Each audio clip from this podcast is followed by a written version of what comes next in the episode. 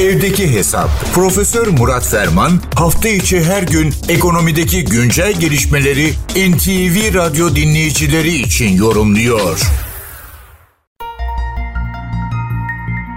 Ekonomi arzla talep arasındaki ahenkleştirme, uyumlaştırma ya da senkronizasyon demektir. Bir yerde daha az sınırlı ya da bazıların deyimiyle sınırsız ihtiyaç ve arzularla sınırlı mahdut kaynakların örtüştürülmesi, öpüştürülmesi esasen ekonomik esenliği veya ekonomik gidişattaki iyi ya da kötü tabloyu ortaya koyar. Hal böyle olunca tabii dünyadaki gidişata göz atmakta bir fayda var.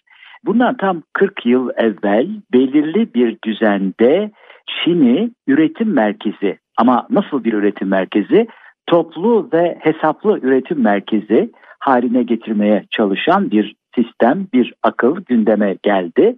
Ve o dönemdeki komünist lider Cüce Deng de meşhur sözü kedinin ne renkte olduğu önemli değil, önemli olan fareyi tutması özdeyişiyle Çin'in kendi milli ülkelerine ulaşma yolunda bu yeni açılımı kabul etti. Ve nihayet geride bıraktığımız onlarca yıl içerisinde Çin bütün dünyayı neredeyse tırnak içinde besleyen, tedarik sağlayan üretim ve tedarik merkezi oldu. Tabii zaman içerisinde özellikle Çin'de bir karar alındı ve sessizce uygulanmaya konuldu.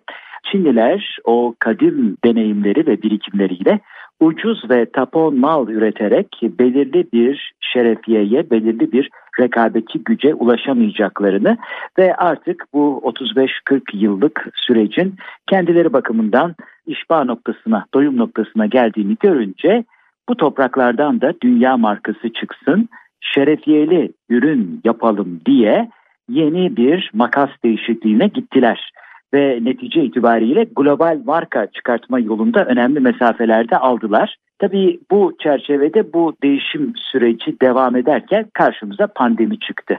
2019-2021 arasında neredeyse fırtına gibi esen pandemi aslında zor oyunu bozar deyimi gereğince zaten mevcut bir şekilde farklı bir kulvara girmiş olan değişimlere adeta zecri ve hızlandırıcı bir etki uyandırdı.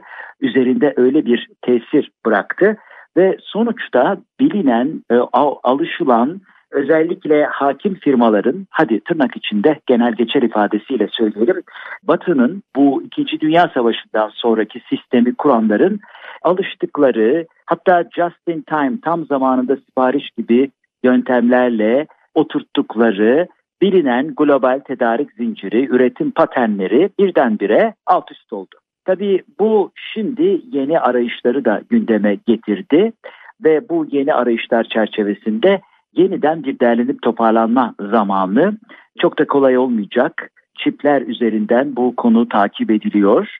Çünkü bugüne kadar belirli kesimlere bir statiko konforu sağlayan mevcut denklem ortadan kalkmış durumda. Tabii Türkiye'nin bu gidişatta nasıl bir rol oynayacağı önemli. Pandemi döneminde Türk işçisinin büyük fedakarlığı, canını ortaya koyan fedakarlığı, teknisyeninin ve girişimcisinin cesaretiyle beraber biz dünyaya tedarik bakımından aldığı siparişi hakkıyla yerine getiren bir ülke olma imajını verdik, pekiştirdik. Ama netice itibariyle büyük değişimden Türkiye'nin de etkilenmemesi mümkün değil. Nitekim e, ihracatımızda özellikle Avrupa pazarından kaynaklanan ve arka plandaki biraz evvel bahsettiğimiz değişikliklerle irtibatlı yeni açılımlar oluyor. Bunları yakından takip etmemiz lazım. Mesela hazır giyimde fast fashion dediğimiz hızlı modadan slow fashion dediğimiz yavaş modaya geçiş, daha yavaş dönen bir sistem. Bunların Türkiye'ye etkileri ne olacak? Bunları incelemeye, ele almaya devam edeceğiz. Çünkü ekonomi demek, değişim demek. Değişime önceden hazırlıklı olup proaktif bir tavır alır, vaziyet ederseniz değişikliklerden daha az zararla ve daha büyük karla çıkma ihtimalinizi güçlendirmiş olursunuz. Bu genel değerlendirme ve bilgi paylaşımı çerçevesinde değerli dinleyenlerimize katma değeri yüksek ve yüksek katma değerli bir gün diliyor. Huzurlarınızdan hürmetlerle ayrılıyorum. Profesör Murat Ferman'la evdeki hesap sona erdi.